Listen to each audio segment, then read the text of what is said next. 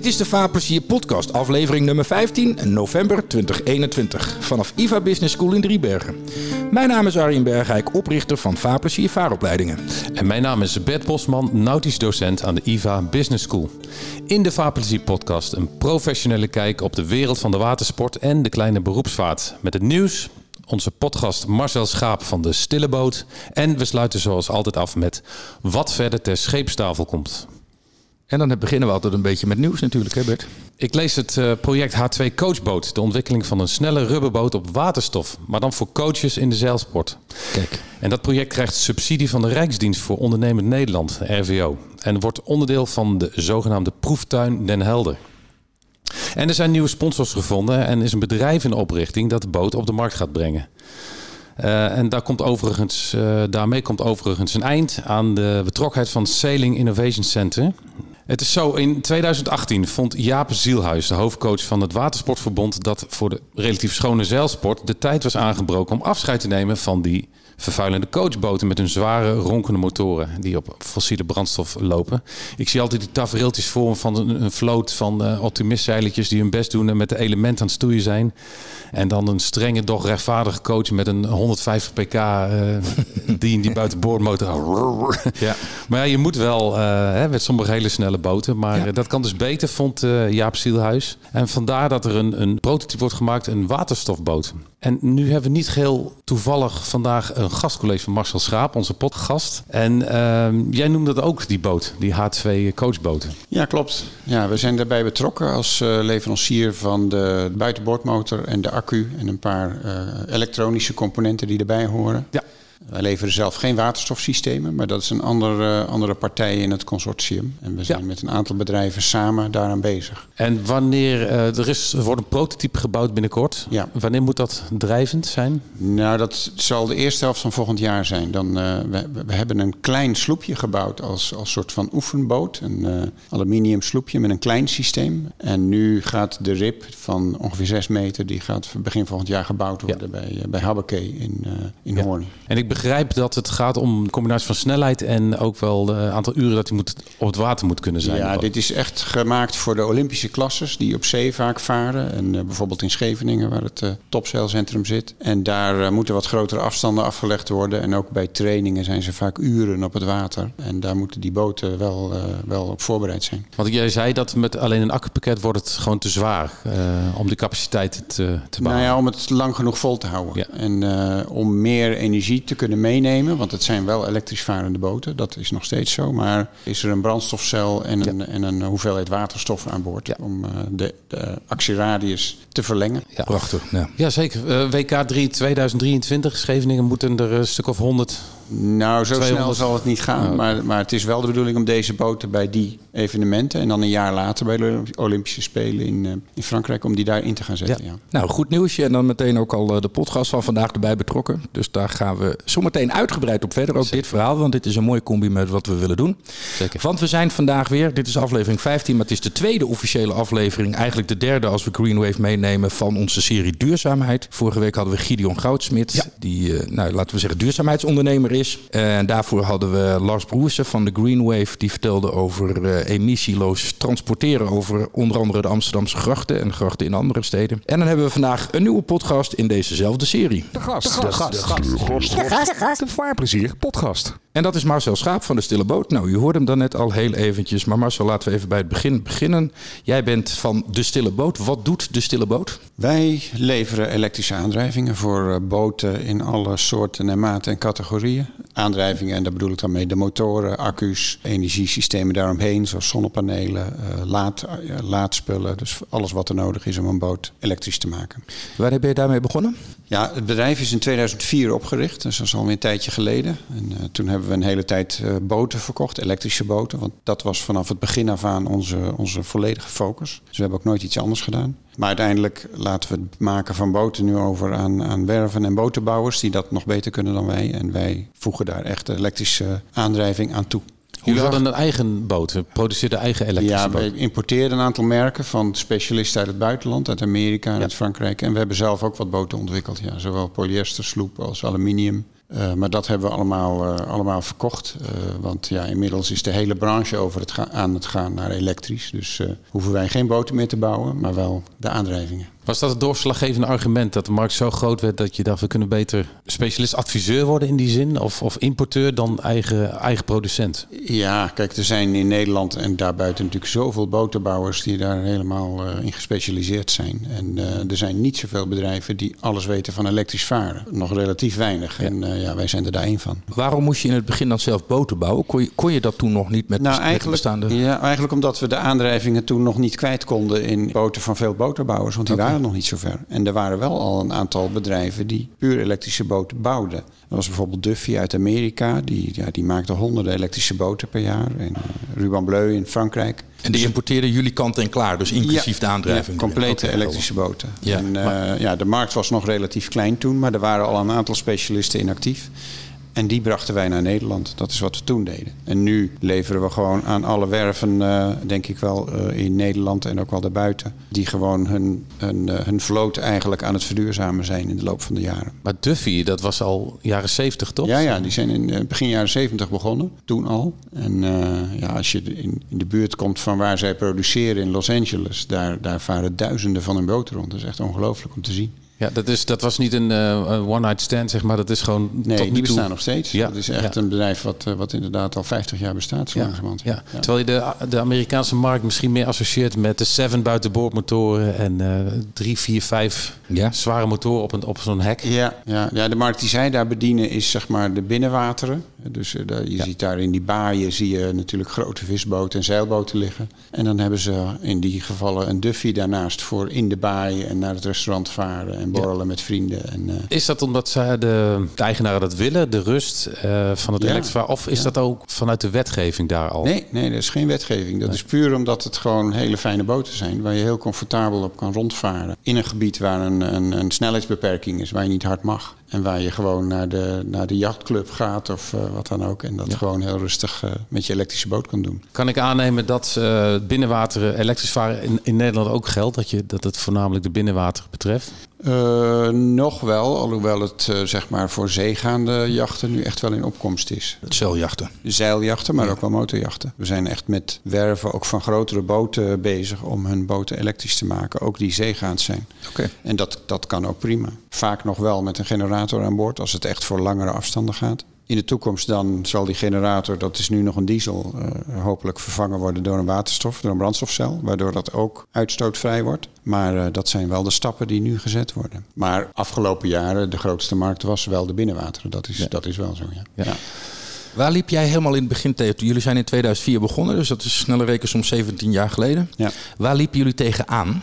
Wat was je grootste uitdaging? Nou ja, de onbekendheid natuurlijk. Daar waar we nu uh, meer en meer uh, zelf elektrische auto's, fietsen, bussen, alles tegenkomen op de weg. Daar was dat natuurlijk toen niet zo. Toen was het echt verkopen op het feit dat het gewoon een hele fijne, comfortabele vorm van varen is. Maar heel onbekend, zowel technisch als, bij, uh, ja, als voor de consumenten, maar ook voor de, voor de dealers die het moesten verkopen. Uh, die waren daar niet uh, vertrouwd mee. Dus dat, was, dat was een lastig proces. Het is een nieuw product, dus Nieuw daar zit je beeldvorming. Wat doet het in de praktijk? Wat Ja. heb ik nodig? Hoe lang kan ik varen? De eeuwige vraag die je krijgt.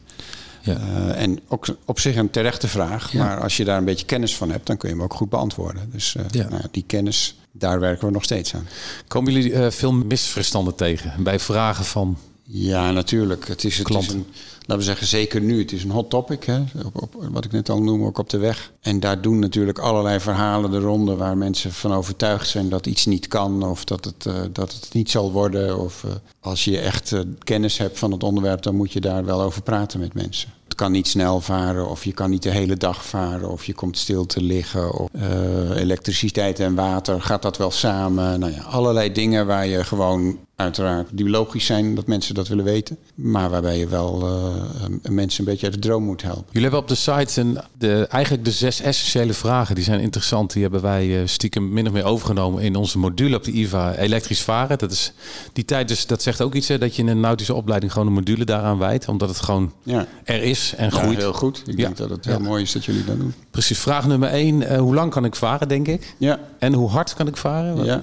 Ja. ja, hoe lang kan ik varen? Actieradius, het is natuurlijk bekend, hè? Ja. Dat, dat hebben we met auto's ook. Dat je kunt gewoon minder energie nemen in een, meenemen in een accu dan in een tank met diesel of benzine. Dus de actieradius is korter. Maar het, is, eh, het wordt steeds langer, hè? de techniek schrijdt voort. En, en voor heel veel toepassingen, eh D-sailers of sloepen of mensen die inderdaad op de binnenwateren varen en gewoon een paar uurtjes op Ja. de motor actief zijn, aan het varen zijn dat is prima elektrisch te doen. Dus eh, daar, daar hoef je helemaal geen toeren voor uit te halen. Dat kun je prima volhouden. Ja, nou, ik denk vaak aan eh, zeiljachten. De echte zeiler is natuurlijk die, die pruttelt de haven uit. En het eerste wat hij doet is de zeilen hijsen en de motor uit. Wat natuurlijk funest is voor een, een diesel. Die wil lekker eh, aan, de, aan het werk. Ja, die vaart te weinig eigenlijk op zo'n Ja, exact. Dus ja. het, is, het zou de ideale, is de ideale oplossing, denk ik. Ja. Anderzijds, met de 24 uur race hadden wij, vertrokken wij uit Ketelhaven. En moesten in- tegen de noordenwind in, ja, besloten we te motoren, windkracht 6, naar Lemmer om daar te starten. En dan ben je toch wel serieus eh 2,5 uur aan, echt aan het bulderen. ja. En dat zijn dan weer misschien toepassingen dat denk, dat, dat zou je niet zomaar halen op een... eh, Nou ja, als je echt op wat groter water gaat varen, zul je behoefte hebben aan grotere accupakketten. Daar hou je rekening mee. Als je in een plassengebied bijvoorbeeld altijd op Loosdrecht vaart, dan Ja. ga je dat niet tegenkomen. Ja.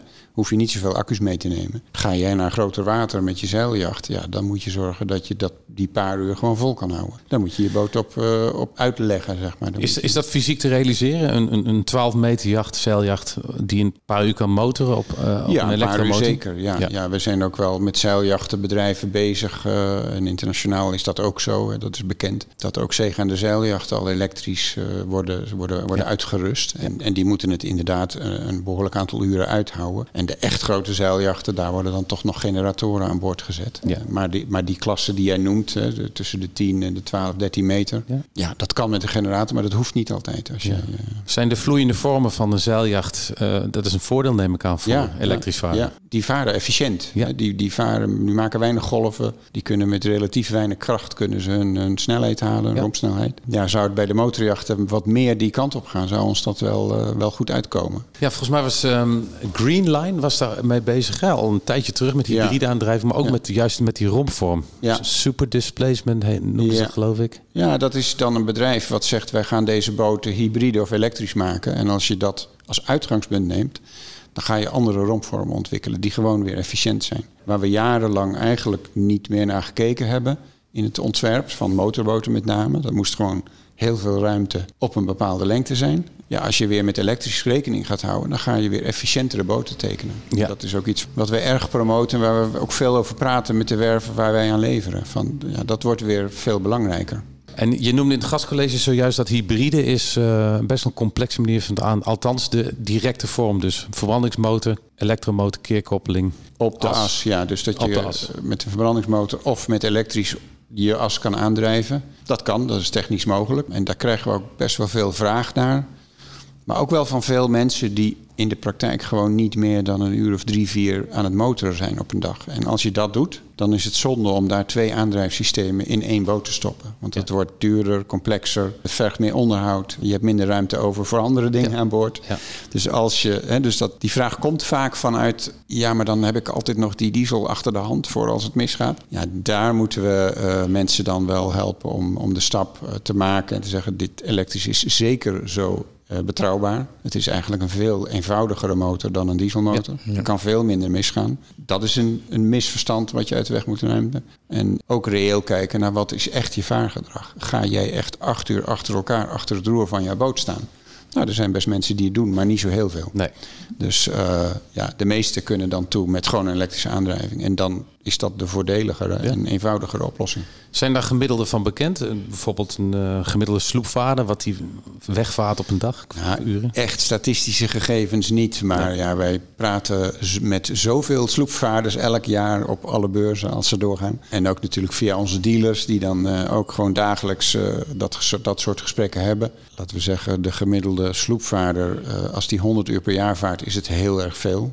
Eh 30 is, is, komt ook veel voor.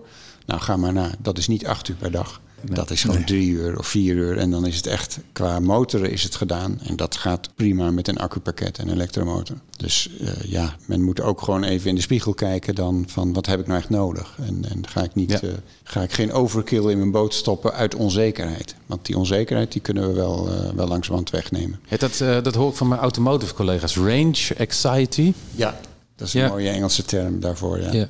Terwijl uh, Gideon Goudsmit zei dat een gemiddelde automobilist, automobilist maar 30 kilometer per dag rijdt. Dus die hoeft zich helemaal geen zorgen te maken bijvoorbeeld. En hetzelfde zou gelden voor een gemiddelde sloepvaarder. Ja, nou, wat je merkt is dat zeg maar, de mensen die overstappen op elektrisch... in het begin zijn ze natuurlijk even onzeker. Het is anders. Je hebt een metertje waarop je kan lezen hoe lang je nog kan varen. Nou, na twee, drie keer varen zijn ze er al aan gewend eigenlijk. Dan is het de hele range anxiety of de angst om stil te vallen, die is gewoon weg. En men weet met de tochtjes die men maakt, oh, maar wat je het meeste terug hoort, zeg maar, is van ja, ik kom aan en dan zit nog 60% in mijn accu.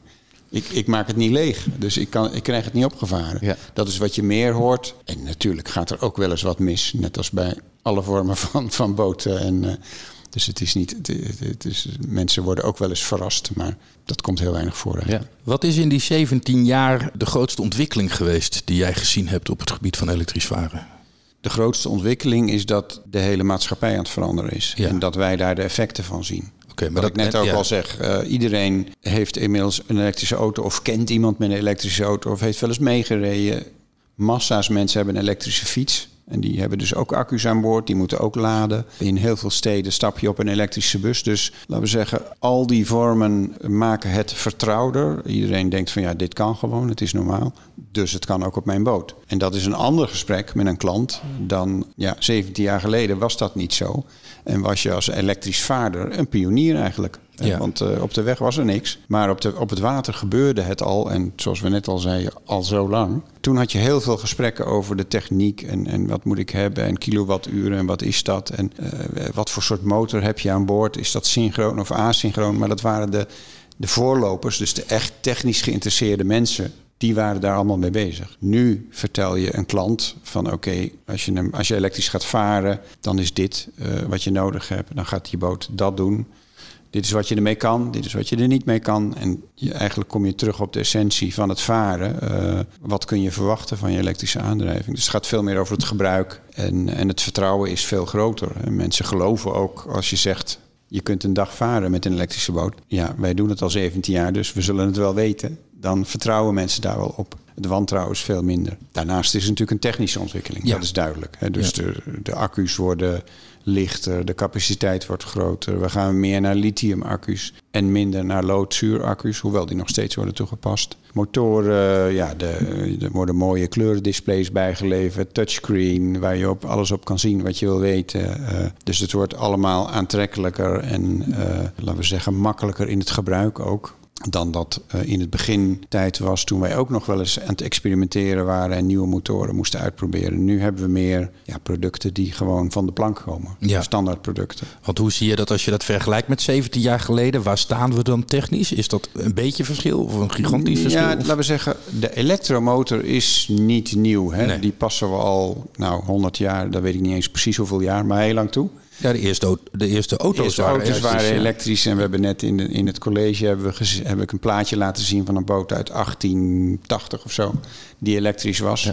Dus zo lang bestaat het al. En laten we zeggen, elektromotoren zitten ook overal in. Hè? Of dat nou een elektrische deur is of een maaier. Of een... Dus laten we zeggen, die techniek die wordt wel steeds beter toegepast voor de boot. Hè? Steeds meer echt eh, toegesneden op de behoefte aan de boot. Maar de techniek is niet nieuw. Loodaccu's zijn ook al heel oud. Dus zeg maar met relatief ja, nee, niet relatief, maar hele beproefde techniek kun je een boot elektrisch maken. De, laten we zeggen, de mooie kleurendisplays, hè, de, die lijken op een iPhone, eh, die je gewoon eh, met touchscreen aanraakt. Eh, de informatie die je hebt, maar ook de accu's, daar wordt natuurlijk heel veel in ontwikkeld. Ja, want daar moet natuurlijk wel nog veel mee gedaan worden. Hè? Willen, willen we het echt aan. breed toepasbaar krijgen? Ja. Zeker een aantal jaar geleden waren accu's natuurlijk nog niet eens zo heel duurzaam zelfs op een aantal fronten. Als je keek naar wat erin moest en waar dat vandaan moest komen. Ja, wel loodaccu's die worden al heel lang gerecycled. Dus Ja. dat is eigenlijk al best duurzaam. En wij, wij leveren sinds eigenlijk al die tijd al, al die 17 jaar, leveren wij loodaccu's die gebruikt zijn. Die leveren wij in bij een opkoper. En dat gaat naar de recycler, wordt niet weggegooid. Het lood wordt hergebruikt. Eh, dus het plastic wordt gewoon in de plasticstroom opgenomen. Dus het, eh, het- nou ja, lithium, daar wordt de recycling, die is in opbouw. Uiteraard gaat dat ook gerecycled worden, wordt dat ook duurzaam. Maar eh, laten we zeggen, ook de accutechniek, de energie die je mee kan nemen, dat is natuurlijk aan het groeien. Eh, Dat zie je bij de auto's en dat is, daar profiteren wij in de botenwereld ook van. Die techniek gebruiken wij ook. Ja, want dat was inderdaad mijn volgende vraag. In hoeverre kijken jullie ook technisch naar de andere segmenten? Ja, heel sterk natuurlijk. Ja. de, de- als je het hebt over de accu's, eh, ja, met ons merk Tokido, die, die heeft een eh, samenwerking met BMW bijvoorbeeld. En een deel van hun lithium-accu's komt, de technologie komt van BMW. Zeg maar zeker voor de grotere systemen, voor de grotere jachten, daar heb je natuurlijk ook grote accu's voor nodig. Dat zijn accu's die komen uit de automotive sector en die technologie zit daarin. Ja, we hadden het er in het college ook al even over. Eh, Wij gebruiken dan een accu die zeg maar eh, zes jaar geleden zat daar 20 kilowattuur aan capaciteit in. Nu zit er in diezelfde doos 40 kilowattuur. Dus de capaciteit is verdubbeld zonder dat die accu groter is geworden. Dat zijn wel stappen. Zien die trend wel ietsje afvlakken, want het wordt natuurlijk steeds moeilijker om dat nog te verbeteren. Eh, Dus we zijn wel op een punt waarop je, eh, ja, er, er komen natuurlijk nog weer hele andere technologieën aan in de toekomst. Maar ja, de accu's worden betaalbaarder ook. Zeker die lithium-accu's. Nou, dan komen we dus inderdaad natuurlijk wel ook weer bij het volgende onderdeel uit. Hoe zit het prijstechnisch? Als ik nu een sloep wil kopen, laten Ja. we zeggen een meter of acht... met een 27 pk Vetus of Janmar erin... versus ik wil een uur of zes per dag met diezelfde boot elektrisch kunnen varen. Zeg maar wat je nu ziet, hè, de meeste sloepenbouwers, als we even, hè, dat is echt wel een Nederlands product natuurlijk. Nou, die, Ja. die markt kennen we goed. Wij leveren motoren aan, aan, aan, aan behoorlijk wat van die sloepenbouwers. En die, wat je nu ziet is, zeker als het een vergelijking met een dieselmotor is, dan is die prijs van die elektrische versie die zij dan aanbieden, is ongeveer hetzelfde of ietsje hoger dan de basismotorisering van de sloep. Eh, Maar die basismotorisering die wordt meestal niet verkocht. Meestal is het een iets grotere motor. En dan is het eh, concurrerend. En, en die boten die kunnen in principe qua snelheid eh, kunnen ze hetzelfde. Ja, actieradius zal iets minder zijn, maar die dag varen, die, die, die wordt wel ingebouwd. Dus Maar dat- ligt nu dus al heel dicht bij elkaar, Ja, die twee ja, prijzen. ja. Want dat was ook een jaar of wat geleden wel anders. Hè? Dan was elektrisch varen echt nog wel een klein beetje duurder qua aanschaf. Ja, dat is misschien ook een ontwikkeling die op je vorige vraag nog eh, Ja. wel, wel bijpast. De Ja. schaal wordt natuurlijk groter. Dus Ja. de motoren, eh, wij leveren al ver boven de duizend van die motoren per jaar. Dus dat betekent dat de schaal groter toeneemt, dat de, zeg maar, de productie-efficiëntie, dus ook de prijs scherper kan worden voor wat je ervoor levert. Daarmee kunnen we zeker concurreren. Een complete nieuwe dieselinstallatie met tank en uitlaat en koeling en al die dingen. Met een complete elektrische installatie, inclusief accu's en bekabeling en het walstroomset en zo. Die kan concurreren met een dieselaansluiting, met een dieselaandrijving. En dan moet de boot natuurlijk opgeladen worden. Eh, dat wil zeggen van brandstof voorzien worden. Ja, dat is Ja. elektrisch natuurlijk goedkoper dan Ja. fossiele brandstof. Ja. Eh, ga- gaat dat in de jachthavens ook goed? Als de jachthavens de stroom voor aanbieden? Ja, nou, nog even bij die prijs blijven. Ja, want eh, hè, de- de- bij eh, zeg maar professionele mensen die kijken dan naar zeg maar, de kosten, kosten of ownership. Ja, dus kosten van werkelijk het bezitten van zo'n boot. En daar zit de aanschaf bij natuurlijk. Daar hadden we het net over. Maar daar zit ook de kilometer of de, de kosten per mijl zitten daarin. Die zijn lager voor een elektrische boot zonder meer. Dat zit wel een factor 3, 4 kan daartussen zitten. Afhankelijk van wat je met wat vergelijkt. Onderhoud is minder. Onze, veel, de meeste van onze motoren ja, die moeten eens in de vijf jaar nagekeken worden. Dat is niet eens dat je onderdelen gaat vervangen, maar gewoon gaat testen of alles nog in topconditie is. Accu's moet je wel afschrijven. Die gaan op een gegeven moment moeten die vervangen worden. Ik durf wel te zeggen voor dat voorbeeld van die sloep die je net aanhaalt, dat de kosten van het bezitten van zo'n boot met zo'n aandrijving lager zullen zijn voor elektrisch dan voor diesel. En dan heb ik het nog niet eens over de lichtgelden die, eh, die hier en daar ook, eh, waar onderscheid wordt gemaakt Ja. in veel gebieden. Daar wordt gesubsidieerd, ja. ja. Wij krijgen, en daarom noem ik het ook een klein beetje met de jachthavens. eh, ik heb veel met Amsterdam te maken. En Ja. daar gaat natuurlijk nu het verhaal over 2025 elektrisch varen eh, Ja. spelen. Ja. Maar daar heeft het netwerksysteem heel veel moeite om de jachthavens van voldoende stroom te gaan voorzien zometeen. Ja, Nog sterker, dat schijnt een volstrekt onhaalbare kaart te zijn als je Liander eh, mag geloven. Eh, dus daar zullen natuurlijk dan voor Ja. dat soort dingen wel oplossingen voor gezonden moeten worden. ja Want- ik denk dat dat... Ja, het is een ingewikkelde discussie. Ja. Ik, ik ben geen Liander, zal ik, ook, zal ik niet pretenderen. Maar Nee. zeg maar, als je puur naar de kleine, de recreatievaart in Amsterdam kijkt, wat die aan stroom nodig heeft, dat valt echt in het niet bij wat Amsterdam als geheel aan stroom nodig heeft. Nee, dat is zeker waar. Maar er zijn natuurlijk een paar grote gebruikers die inmiddels al ook eh, nieuw, nieuwbouwprojecten die stilgelegd zijn, geen vergunning krijgen van de gemeente omdat er geen stroom geleverd kan worden. Ja, ja. En ik weet van twee jachthavens, en daarom kom ik er af en toe op, die hebben gewoon toen ze Liander belden en zeiden we moeten voor 225 120 lichtplaatsen keer eh, zoveel stroom hebben. Dat Liander zei geen enkele kans. Dat gaat gewoon niet, eh, gaan, we, gaan we niet redden. Ja.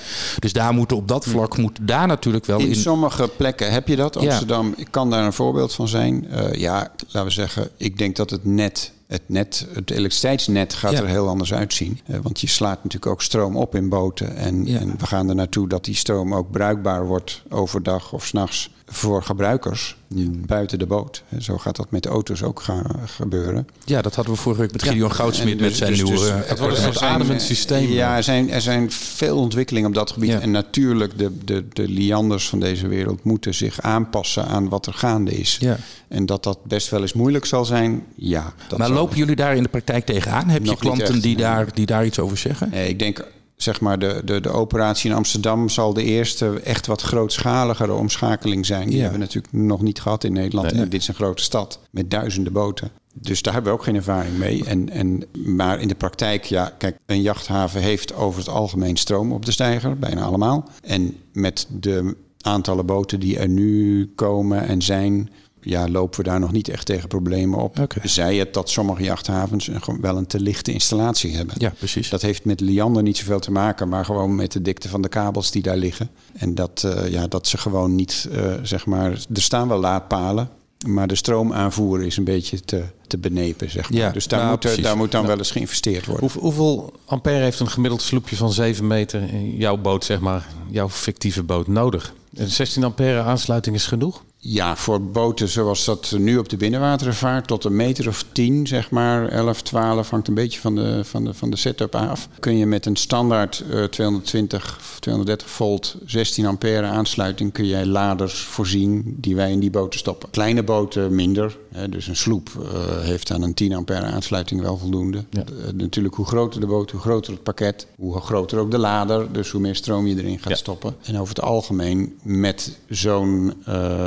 aansluiting kun je in een nacht je boot opladen. Even heel over de hele grote linie gezegd. Het is wel zo natuurlijk dat, ehm, eh, laten we zeggen, als je snellere boot gaat elektrificeren, dat, eh, ja, dat je ook sneller wilt kunnen gaan laden. Dus er zal eh, in de loop van de tijd ook wel behoefte komen aan snelladers. Zoals we dat bij de auto's ook hebben. Die staan nog niet op de wal, maar eh, eh, we zijn wel eh, ook leverancier van motoren die in speedboten gaan. En je kunt ze in de nacht opladen, dan zijn ze 's ochtends vol. Maar het zou ook leuk zijn als je overdag binnen één uur weer op zijn minst de helft je batterijen vol hebt. Ja, dat kan in Brouwersdam. Er staat Ja, volgens mij één daar staat nu zo'n paal. Ja. voor, ook wel voor professioneel gebruik. Maar we zien, ja, wij leveren ook veel in de professionele markt, zeg maar, voor, voor professionele toepassingen. En als boten echt een vast basisstation hebben, eh, ik noem wat een loodsboot of zo, die vanuit één punt steeds vaart, dan kun je daar ook een zwaardere Ja. eh, laadaansluiting maken en dus sneller opladen. Ja. En dus kun je veel meer doen met je pakket accu's.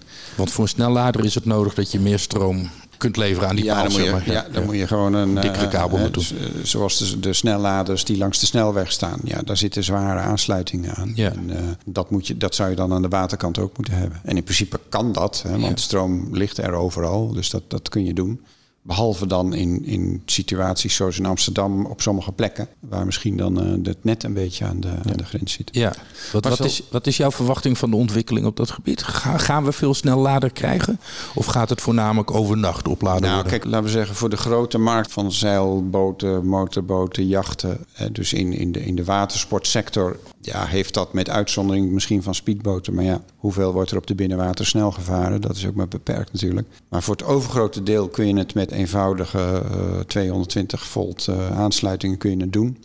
Professioneel zal men sneller willen laden. En ja, als je snel wil varen, heel simpel, dan zou je ook sneller willen laden. Dus dat gaat er wel komen. Eh, Ja. Dat, eh, in, zeg maar, in moderne havens waar dat soort boten liggen, eh, zal dat een dienst zijn die men aan gaat bieden. ja. Waarom, waarom wil je snel laden als je snel vaart eigenlijk? Heeft, hebben die mensen altijd haast? Of, snelle, de accu's zijn sneller leeg. Ja, voor snelvaren heb je gewoon grote vermogens nodig. Dus Ja. ook grote accu's. Accu's, ja. Je kunt die accu's vrij snel leegtrekken. Ja.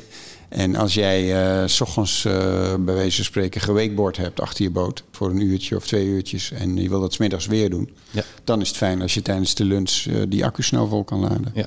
Ja. Dus dat, dat, dat is technisch natuurlijk allemaal al mogelijk. Hè? Dat, Maar dat, dat, dat staat er nog niet op dit moment. En daar hebben we het de hele tijd over accu's gehad.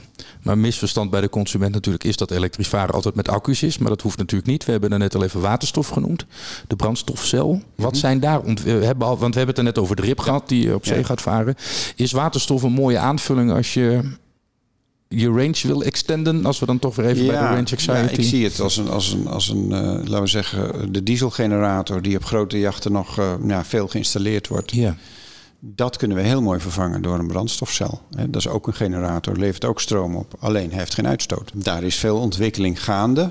Het is nog vrij duur. Hè. Het Ja. zijn dure installaties. En ja, die boot die wij nu gaan bouwen, dat, is, dat wordt ook een leerschool voor ons. Zodat we straks eh, kunnen zeggen, oké, als we een jacht met water zo zouden willen uitrusten, dan heb je dit nodig. Dit is Ja. wat het kost. Dit is wat je ermee kan. Dit zijn de veiligheidseisen natuurlijk. Eh, er is nog heel weinig regelgeving vanuit de overheid voor dit soort installaties. Dus dat is, een, dat is een van de uitdagingen waar we voor staan. We kunnen die boot wel bouwen, dat gaat ook wel werken. Maar voldoen we aan alle regels? En dan wordt het een beetje stil aan de andere kant. En dat is natuurlijk ook in ontwikkeling. Dus Ja, daar ja. moet ook aan gewerkt worden. Gideon Goudsmit zei, je moet het zelf doen. Je moet, eh, moet niet wachten op de overheden. Nee. Nee, nee maar als je een CE-keur op je boot wil hebben, dan uh, Ja. er is geen uh, zeg maar, richtlijn vanuit Europa. Ja. Van hier moet hij aan voldoen. Dan heb je natuurlijk wel Ja. uh, een dingetje wat opgelost moet Ja. worden. Want hij moet wel verzekerd worden en hij moet wel veilig zijn.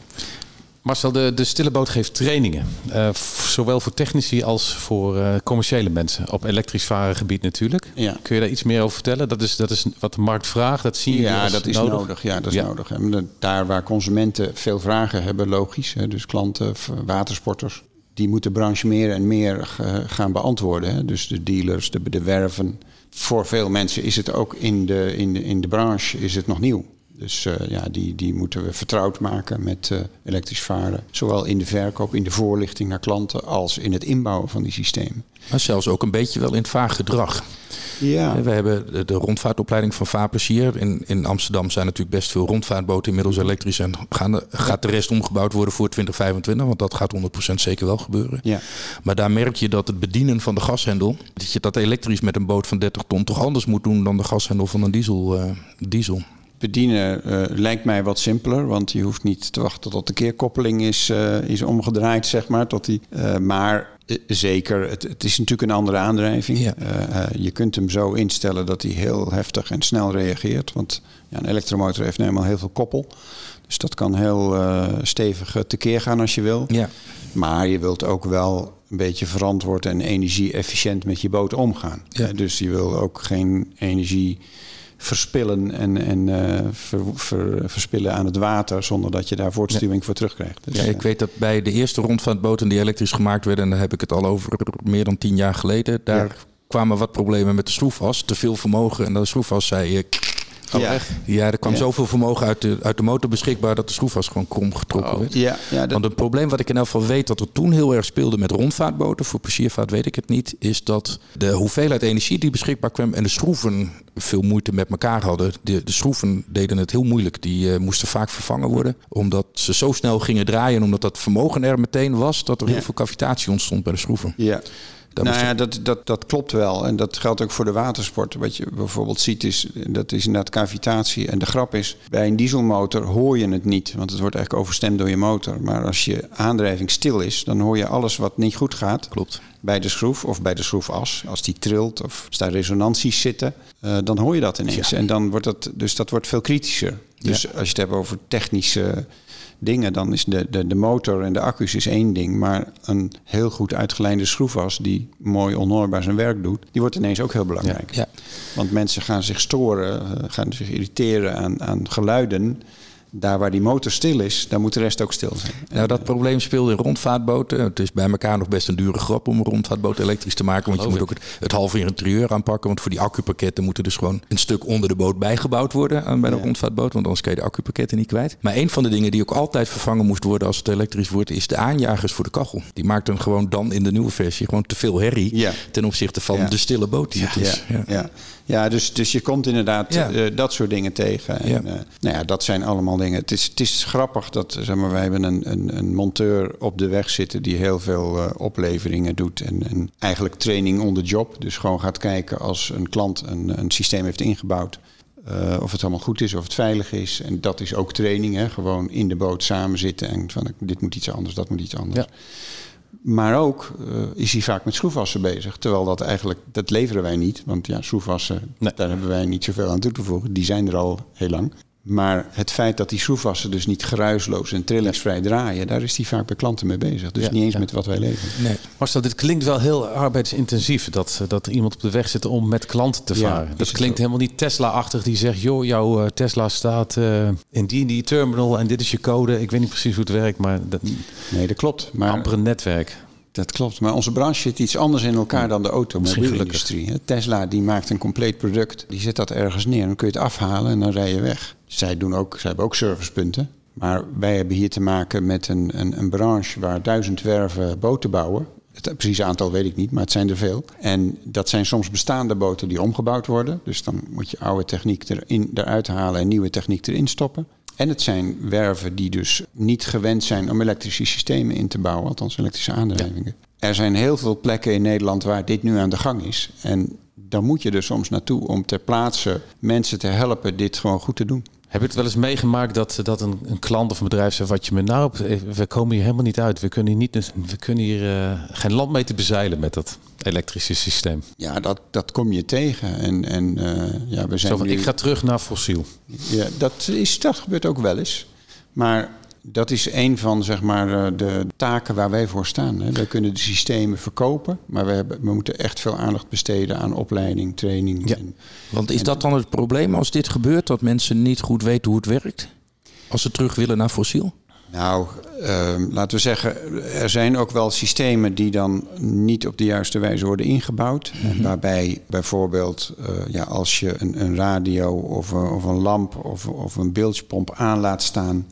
En je laat die boot een paar weken achter en dat blijft maar draaien. En, de, en het is alleen maar een accupakket wat helemaal leeggetrokken wordt. Dan gaat het accupakket kapot. En dat is teleurstellend, want dat is best een duur onderdeel. Zeker. En dat gaat dan eigenlijk niet eens om het varen, maar gewoon om goed voor je boot zorgen. eh, te zorgen dat dat, als je weggaat, dat je de hoofdschakelaar omdraait en dus geen stroom meer verbruikt. En als je het wel doet, dat je het in de gaten houdt. Van is mijn accu nog vol? Eh, daar zijn ook systemen voor. Wij leveren meer en meer wat we noemen remote monitoring systemen. Dus je bouwt een kastje in met een telefoonverbinding zodat je op je telefoon kan zien of je accu's nog in goede conditie zijn. Of je walstroomkabel er nog wel in zit. En Ja. er niet is uitgetrokken door iemand, een vriendelijke buurman in de, in de haven. En of er niks aanstaat wat die accu's aan het belasten is. Dus ehm, waardoor je problemen voorkomt. Dus je Ja. krijgt dan gewoon een waarschuwing van... oh, het voltage gaat te laag, dus moet ingrijpen, moet iets doen. En dan bel je of de havenmeester of je gaat er naartoe... en zorgt dat dat in orde komt. En dan dat je dus geen problemen krijgt. Want je bent afhankelijk van dat accupakket. hè. Ja. Het is... eh, Ja.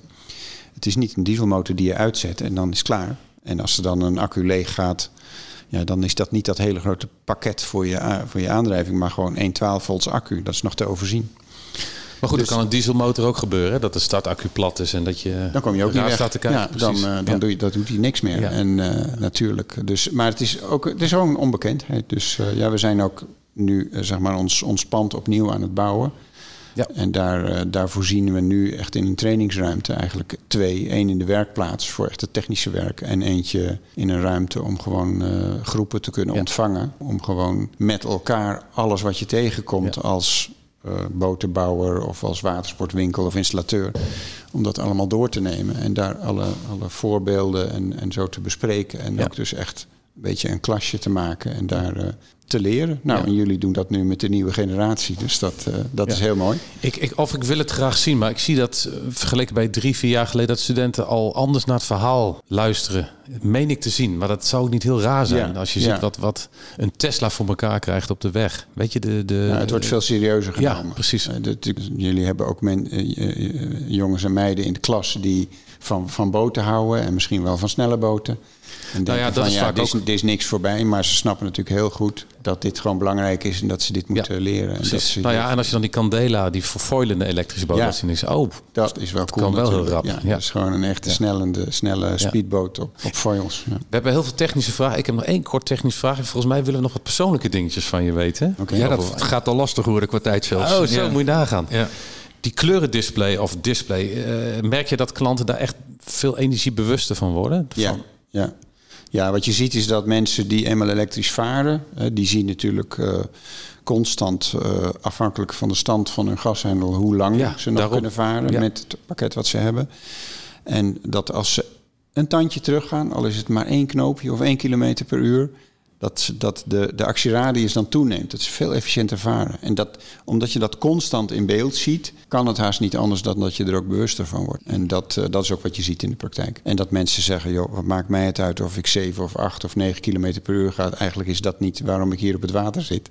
klopt. En ik zie dat ik dan heel makkelijk eh, mijn, mijn, mijn, mijn, eh, mijn range heb en ook makkelijk eh, weer thuis kom. Ja, dan ga je er toch anders tegenaan kijken. Dat wordt zelfs bijna een spelletje, weet ik, van de rondvaartboten waar Dat ik op vaar die elektrisch zijn. Dat, Ja. je, dat je echt dat toerental probeert te vinden waarbij je, waarbij mooi je wel je snelheid haalt, maar niet, nou mogen we in Amsterdam niet zo snel, 6 km per uur. Dus Nee. dat heeft dan weer een voordeel daarbij. Nee, maar ook als je dan het ei opgaat, waar je wel wat harder mag, dan... Maar juist tijdens het manoeuvreren, waar je met diesel dan echt gewend bent met een rondvaartboot om om de hoek om te duwen, bij wijze van spreken, dus veel gas te geven, dat je dat met een elektrische rondvaartboot veel subtieler aanpakt. Ja. Ja. Ja, dat gashendeltje is ook veel subtieler. Dus Is het je ook? bedient het met een paar vingertjes Ja. eh, en niet meer met een stevige knuist en douwen maar. Klopt. Dus het is, het Ja. is een andere ervaring. ja. Subtiele varen. Ja. Hey Marcel, wat voor ontwikkelingen zie jij de komende jaren? Wat gaat er nog gebeuren waarvan jij zegt van nou, dit is wel heel... eh, Wat nu op ons afkomt, en dat zal alleen maar meer worden, is, eh, ja, is dat de werven echt overgaan. We zien nu, ik had een, voorbeeld gegeven ook in het college van, van Beneteau, hè, natuurlijk een van de grootste werven ter wereld.